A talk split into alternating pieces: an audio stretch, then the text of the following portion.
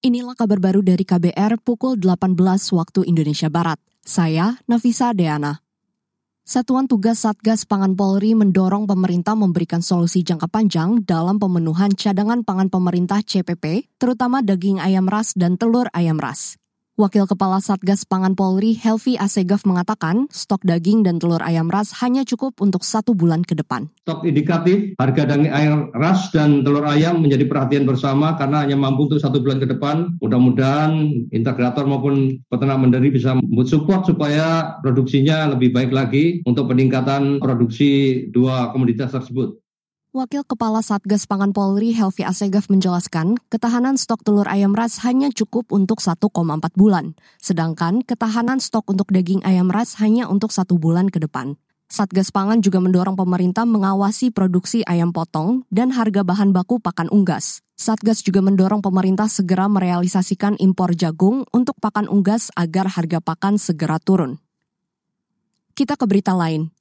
Pengadilan Negeri Jakarta Pusat mengagendakan sidang lanjutan gugatan kelompok atau class action dari korban kasus gagal ginjal akut pada Selasa besok. Salah satu perwakilan gugatan class action Habibi mengatakan sidang besok dengan agenda perubahan gugatan. Perubahan gugatan dilakukan karena kelompok penggugat sudah menjalani 8 kali mediasi gugatan awal kita tuh ada 11. Jadi uh, yang yang sudah selesai dalam mediasi itu ada lima lima tergugat. Jadi sisanya enam enam tergugat itu masih lanjut ya. Jadi yang lima tergugat ini dikeluarkan nanti dari gugatan kami.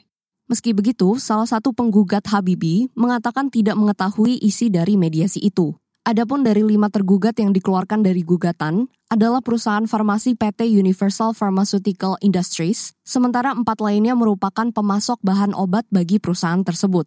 Kasus gagal ginjal akut yang terjadi sejak Agustus tahun lalu menyerang 300-an orang yang mayoritas anak-anak.